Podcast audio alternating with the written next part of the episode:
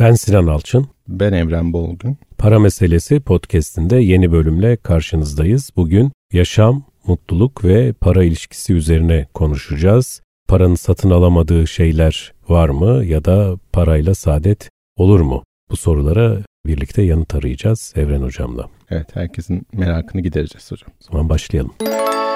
Bu programda yer alan tüm analizler, değerlendirmeler, ekonomik ve finansal bilgiler, yorumlar, tavsiyeler yatırım danışmanlığı kapsamında değildir. Evet hocam şimdi e, yani bu aslında yani para, e, yaşam ve mutluluk ilişkisi bu hafta podcastimizin konusu.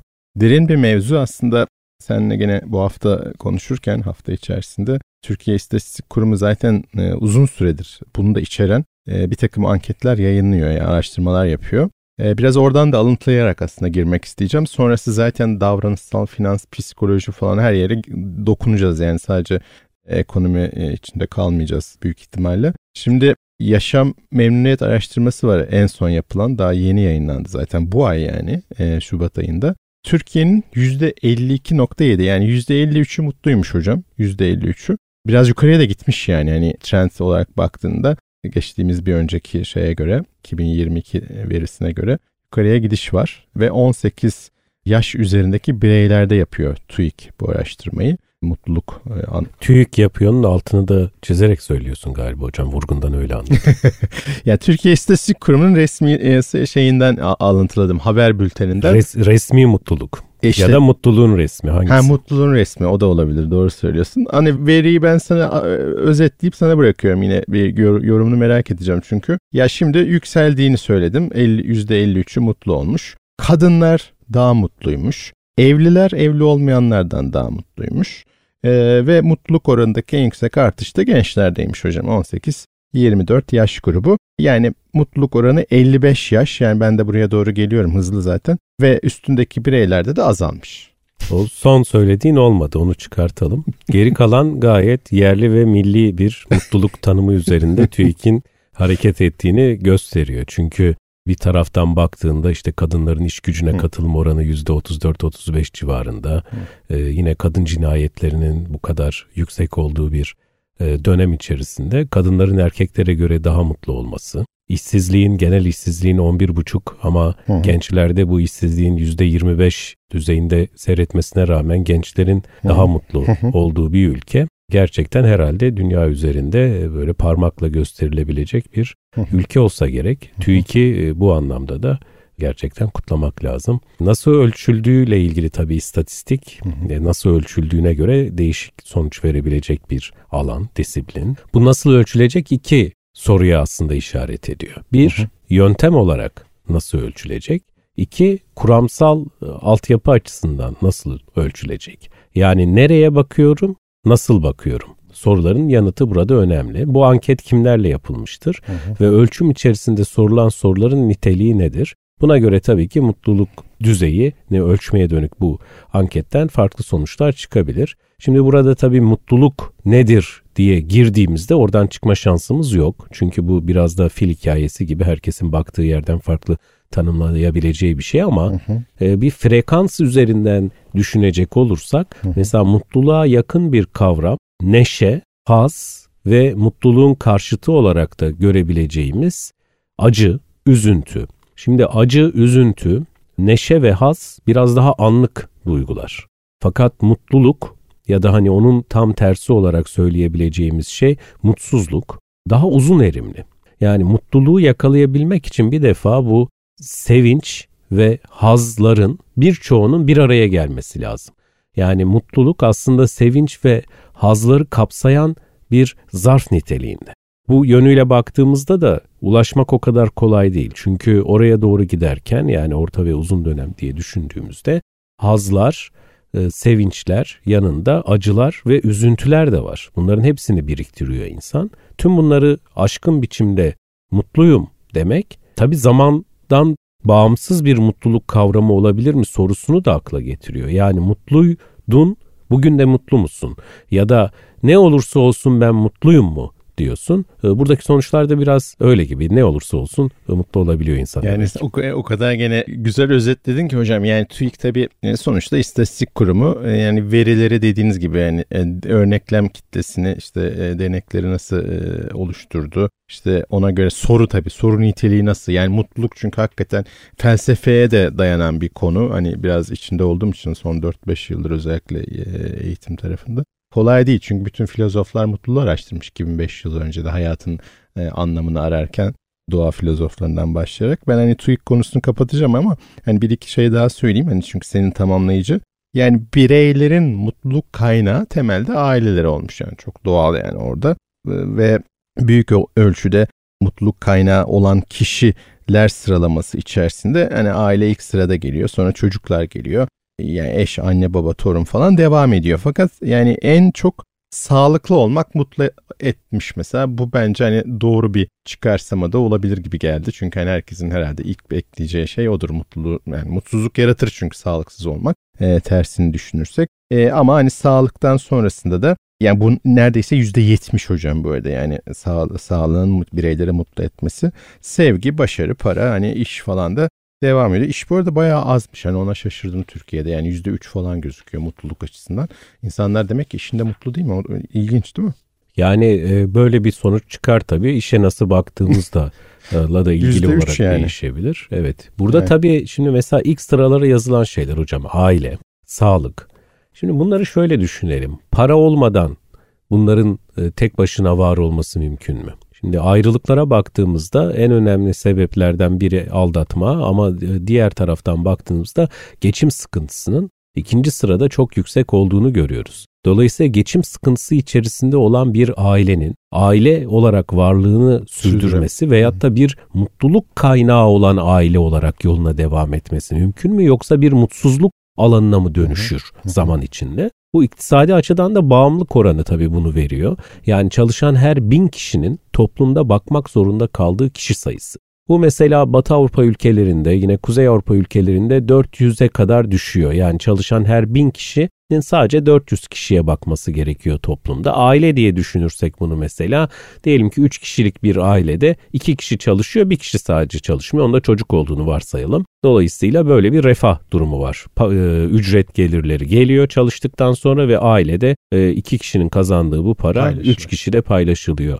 Ama mesela e, Irak'ta bu oran 2400'ler civarı. Yani çalışan her 1000 kişi 2.4 kişiye bakmak zorunda. Ne demek bu? Bu şu demek. Kabaca 4 kişilik bir ailede bir kişi çalışıyor. Bu çocuk olabilir, erkek baba olabilir ya da işte anne veya kız çocuk da olabilir.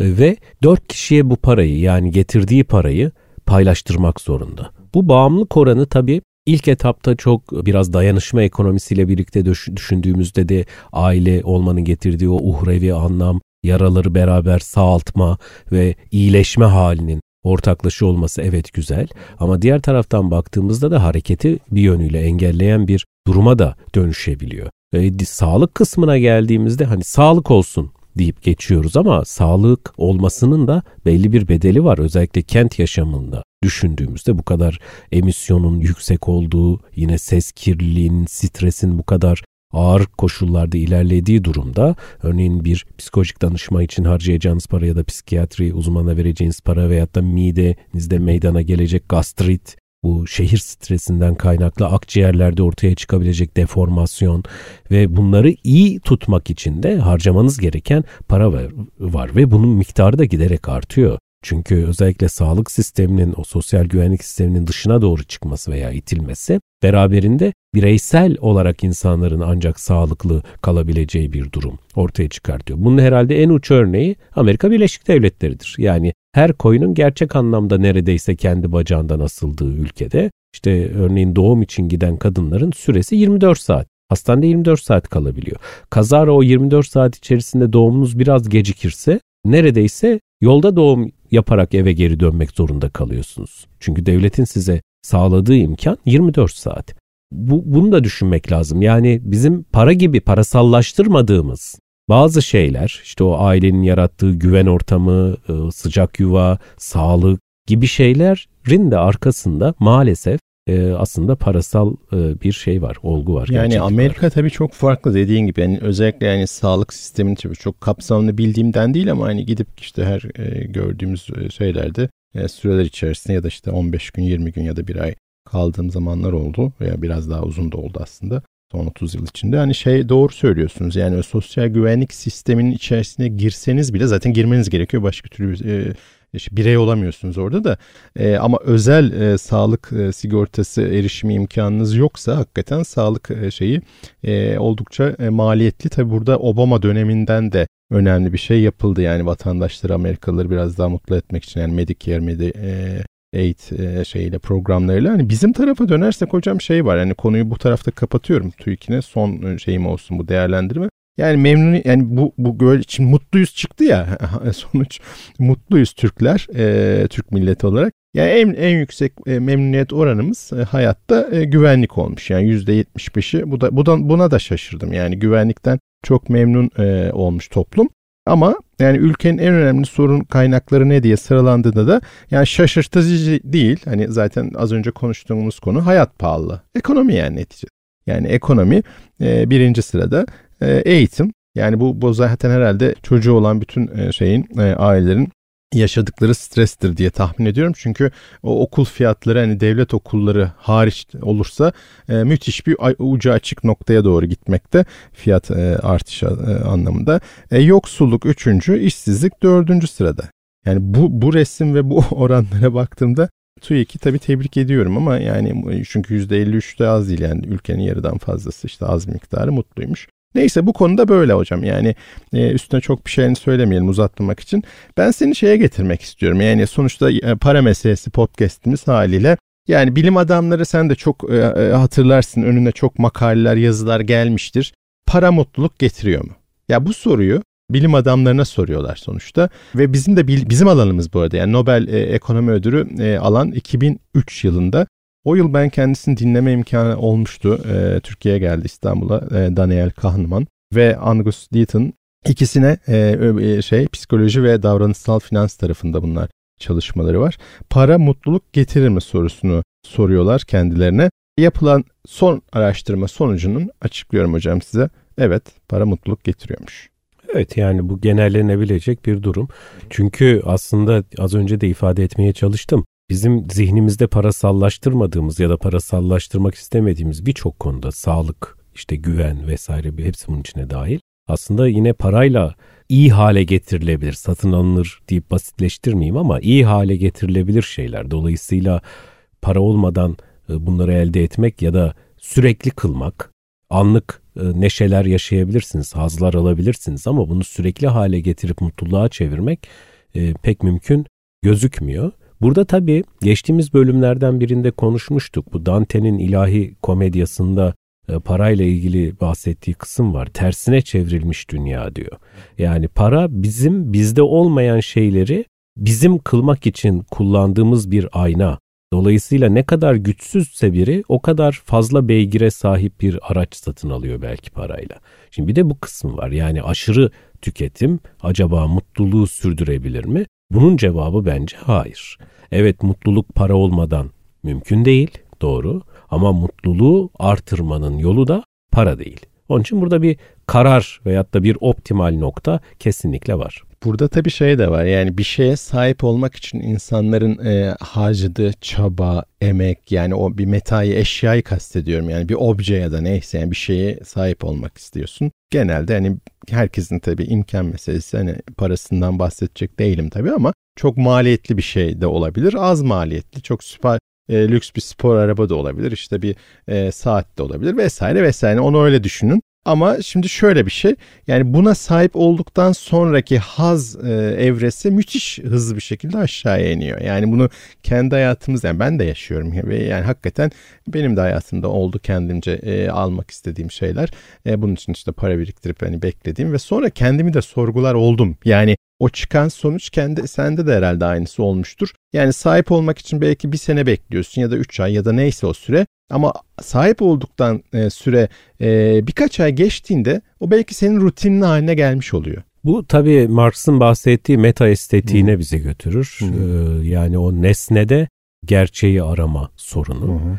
ve kendi karakterini onun bir parçası haline getirme. Yani satın aldığı o bilmem kaç yüz beygirlik araç cın aslında kendi gücüymüş gibi insanın düşünmesi ya da satın aldığı o kozmetik malzemesinin aslında kendi güzelliğini var eden ya da olması gereken bir şey olarak düşünmesi ya da satın aldığı süper lüks villanın onu en mutlu insan haline getireceğini düşünmesi. Fakat baktığımızda buradaki denge bozulduğunda yani az önce bahsettiğim o optimal denge evet parayla mutluluk olur mu? Olur ama mutluluğu artırmanın yolu para mı? Hayır değil.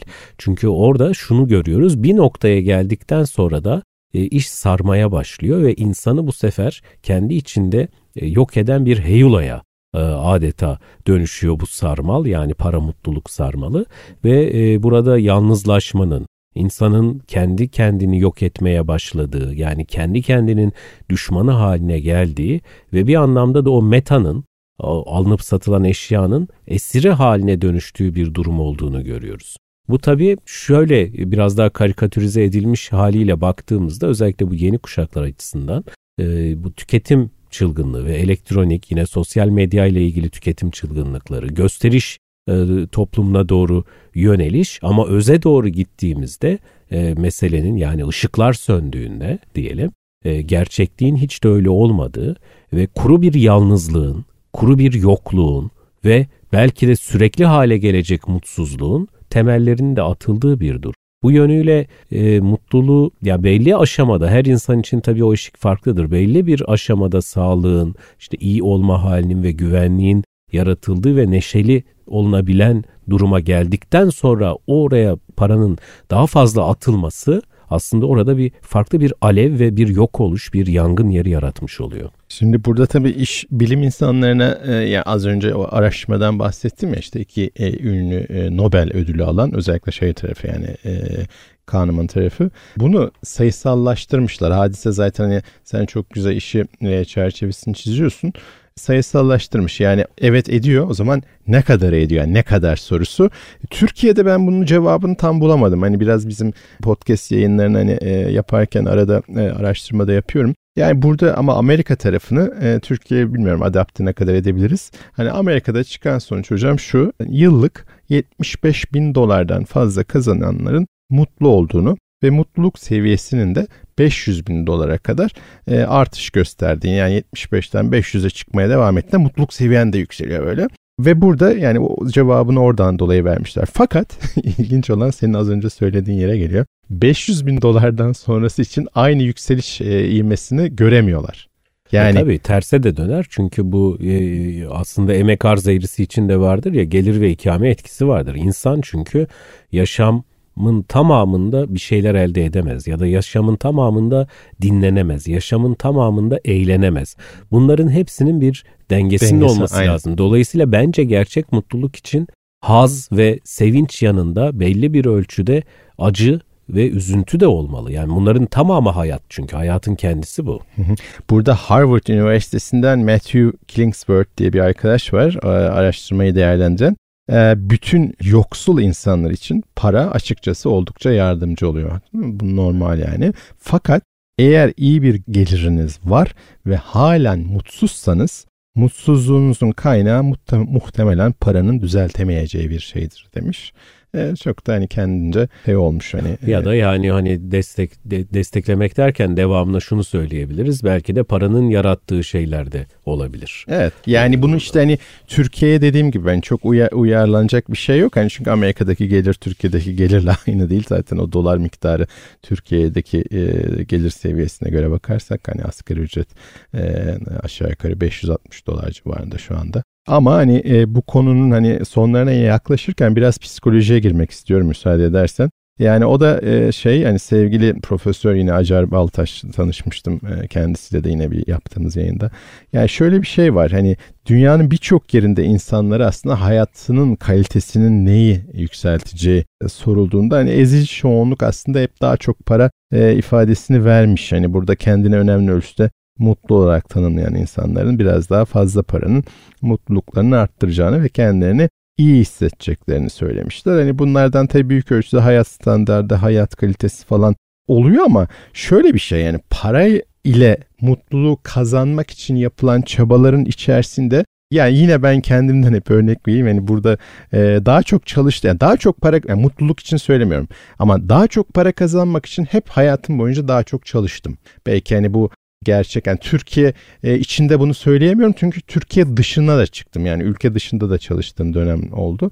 E, dolayısıyla yani gece gündüz çalıştığım zamanlarda hakikaten daha çok para kazandığım oldu. Dolayısıyla buradaki yani hocanın yine psikoloji ünlü hoca biliyorsun Acar Hoca daha çok çalışmak zorunda kalacaksınız demiş. Yani para kazanarak kendinizi mutlu hissetmek istiyorsanız kazandığın parayı harcamak için de zamanın olması gerekir. Mesela ben kendimce hani çok çalıştığın zaman e, para kazanıyorsun ama zamanın yok. Zamanını kazanmak için bu sefer paranı harcamak gerekiyor. Ama bu tabii biraz şöyle bir şey. Şimdi kazanç dediğin hmm. şey hocam bir terleme gerektiren bir hmm. şeydir değil mi? Ve kazanç kavramı baktığında kök itibariyle aslında belli bir süre harcanan emek sonucu elde edilen gelirdir. Ama şimdi başka mesela para kazanma yolları ben sana söyleyeyim. Hı. Rant. Ha, evet yani. Tefecilik. şimdi kolay yoldan para kazanılan yollar var ve mesela şimdi e, İstanbul'daki ünlü caddelerden birine çıktığında diyelim ki Bağdat Caddesi'ne veya Nişantaşı'na orada spin atmaya çalışan e, spor arabanın sahibinin profiline baktığımızda acaba ne kadar sabahtan akşama kadar çalışıp da o parayı elde eden kişilerden oluşuyor. Bir kısmı öyledir tabii ki. Ama ne kadarı, kaç tanesi tamamen işte bir şekilde rant elde ederek veyahut da olmayan alanlardan işte belediyeden diyelim ki ihale alıp reklam panosu alıp ondan sonra belediyenin kendisine bunu 10 katı fiyatla satan arkadaşlar kazanmıştır. Bunu da düşünmek lazım. Onun için o kazanma süreci eğer öyle olsa Türkiye'de, dünyada da en çok e, gelir elde edenlerin maden işçileri olması gerekirdi.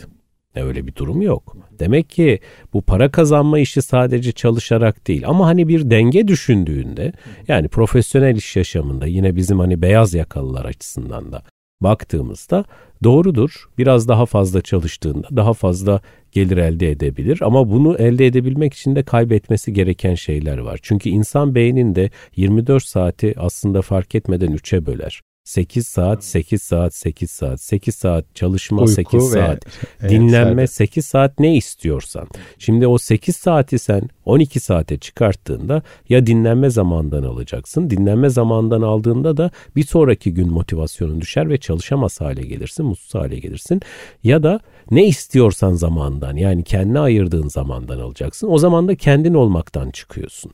Dolayısıyla o parayı alabilmek için aslında kendini, kendi benliğini veya kendi mutluluğunu vermiş oluyorsun baştan. Şimdi baştan avans olarak mutluluğunu verdiğin bir durumda elde ettiğin paranın satın aldığı hiçbir eşyanın da seni daha mutlu kılması mümkün değil. Ee, yani burada tabii şey var. Hepsi aynı yere çıkıyor aslında bu e, şeyin hani e, değerlendirmelerimizin sonucu aslında benzer yerlere çıkıyor.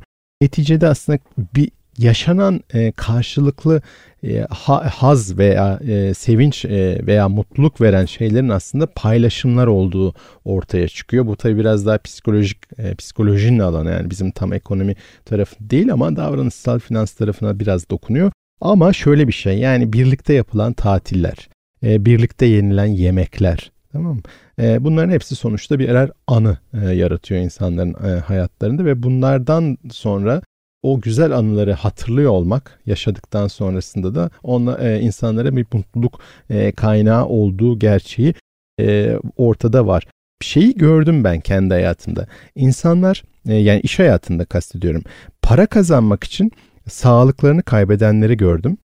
O kadar o az önce dedin ya 8 8 8 o benim de çok ciddi feyz aldığım bir şeydir. Yani 24 saatlik hayatı bir cetvel gibi düşünüp 3'e bölerek hareket etmek. Bu bunun ama e, şey de yani e, sonuçta para yönetimde yaptım ya uzun yıllar e, profesyonel tarafta. Parası için yani daha çok para, daha çok e, şey e, mutlu olacağını parada arayan insanların zaman içerisinde tabii yaşları da ilerleyen e, kişiler bunlar. Sağlıklarını kaybettiği, bu sefer sağlıklarını geri kazanmak için kazandıkları paraları geri vermeye başladıklarını da gördüm. Evet tabii insan canlı bir varlık ve e, start aldığı andan itibaren yani doğum anından itibaren aslında bir taraftan da yaşlanmaya da başlıyor ve bir süre sonra da doğa içerisinde azota doğru dönüşme yolculuğuna da başlıyor. Bu yönüyle hiçbir şey kalıcı değil. Ee, söylediğin gibi bence de anılar biriktirmek, e, burada o anıları mümkün olduğunca paylaşmak e, insanı e, uzun soluklu daha mutlu edebilecek şeyler. Ya burada şeyin e, e, yine ünlü düşünür e, Schopenhauer'ın şeyi var. Para deniz suyu gibidir demiş. Ne kadar çok içerseniz susuzluğunuz o kadar da çok artar. Sözünün aslında gerçeği yansıttığını söyleyebiliriz diyen bir Amerika tabii bu yine. Amerika'daki arkadaşlar parayı çok önemsedikleri için yapılan araştırmalarda. Ancak hani e, e, altını çiziyorum bir kere daha hani servet e, arttıkça e, para konusunda e, kaygıların ben azalmadığını gördüm. Yani e, Türkiye'de de bayağı tanınır nitelikli kişilerle de çalışma imkanım oldu. Mesela TÜİK o soruyu e, bu yüksek e, gerçekten servete sahip, hı hı. gelire değil yüksek servete sahip kişilere sorduğunda hı hı. muhtemelen onlarda en yüksek güvenlik cevabı çıkmayacaktır.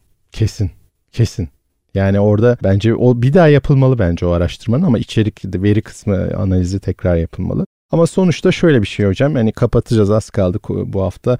Fakirlik sağlık için tehlikeliymiş hocam. Yani e, burada hani hiç ilişkisi yok mu gibi düşünülüyor ama e, araştırmalar fakirlerin daha yüksek tansiyona işte e, kroner e, kalp yetmezliği hastalıklarına e, ağrıyla sonlanan şeylere ölüm e, sebeplerine çok daha yatkın olduğu. Hocam orada çıkmış. tabii yani fakir kelimesi diğerine belki yoksulluk yoksulluk çünkü zamana da yayılan bir tabii. şey ve o zaman uzadıkça yani kalıcı yoksulluk ortaya çıktıkça hı hı. yoksunluk meydana geliyor. Yani neden yoksun oluyorsun? İşte temiz gıdadan ve yeterli kaloriden yoksun oluyorsun, sağlık hizmetinden yoksun oluyorsun, eğitim hizmetinden yoksun oluyorsun. Dolayısıyla bir sınıf atlama hayalin ortadan kalkmış oluyor, beklentilerin kırılıyor ve e, bir anlamda işte dünyada cehennemi insana yaşatan durum. O yönüyle baktığımızda işte belli bir düzeyde en azından yani insanca yaşayacak koşullar dediğimiz koşullarda yaşanabilecek kadar gelir elde edebileceği bir işte çalışmak, bir üretim yapmak herkesin hakkı. Bunun cevabı aslında araştırmada var hocam. Yoksulluğun e, egemen olduğu bir ekonomik ortamda yetişiyor olmak mutluluk üzerinde etkili olduğu bilinen sol prefrontal korteksteki etkinliğin yavaşlamasına neden olarak kişileri kronik depresyona daha yatkın duruma getiriyormuş. Yani sebebi bu. Ve yoksulluk e, aynı zamanda tabii e, sosyal hayatın içerisinde çatışmalara yol açarak huzursuzluk işte bir takım ayrılıklara falan sebep olduğu e, ortaya çıkmış. Yani bu yine tabii Amerika olduğunu tahmin ediyorum. Yani Türkiye'de böyle bir verinin ne kadar e, şey ne görmüyorum ama yani Amerika'da yılda 20 bin dolardan az kazananların 70 bin dolardan fazla kazananlara kıyasla orta yaşta ölme ihtimali 3,5 misliymiş. Yani o zaman para, para, para, varlığın bir dert, yorkluğun yara diyerek, diyerek kapatalım. Bence de hocam çok e, uzatmayalım bu konuyu. E, haftaya yine daha güzel başka bir konukla Karnaval Radyo içerisinde sizlerle paylaşacağız. Sosyal medyadaki e, uzantılar yine para meselesi YouTube ve Twitter bildiğim kadarıyla açık. Görüşmek üzere. Karnaval.com ve mecralarında Evren Bolgün ve Sinan Alçın tarafından hazırlanmakta olan para meselesi başlıklı podcast yayınlarında yer alan tüm analizler, değerlendirmeler, ekonomik ve finansal bilgiler, yorumlar, tavsiyeler, yatırım danışmanlığı kapsamında değildir. Yatırım danışmanlığı hizmeti yetkili kuruluşlar tarafından kişilerin risk ve getiri tercihleri dikkate alınarak kişiye özel olarak sunulmaktadır. Burada yer alan yorum ve görüşlerse genel niteliktedir. Yayınlarda aktarılan bilgiler mali durumunuzla risk ve getiri tercihlerinizde uygun olmayabilir. Bu nedenle sadece burada yer alan bilgilere dayanılarak yatırım kararı verilmesi beklentilerinize uygun olmayan sonuçlar doğurabilir. Podcast içerisinde anlatılan konular, örnekler, grafikler, tarihçeler, tablolar, yorumlar, öneriler sadece yatırımcılarda finansal farkındalık yaratmak ve bilgilendirmek amaçlıdır. Dinleyicileri bilgilendirmek ve bilinçlendirmek amaçlı olarak sunulan bu yayınlar ve içerikler asla bir yatırım tavsiyesi niteliğinde değildir. Sizler burada aktarılan bilgilerden faydalanırken özel veya sonuçsal tüm zararlardan sorumlu olacağınızı kabul etmektesiniz.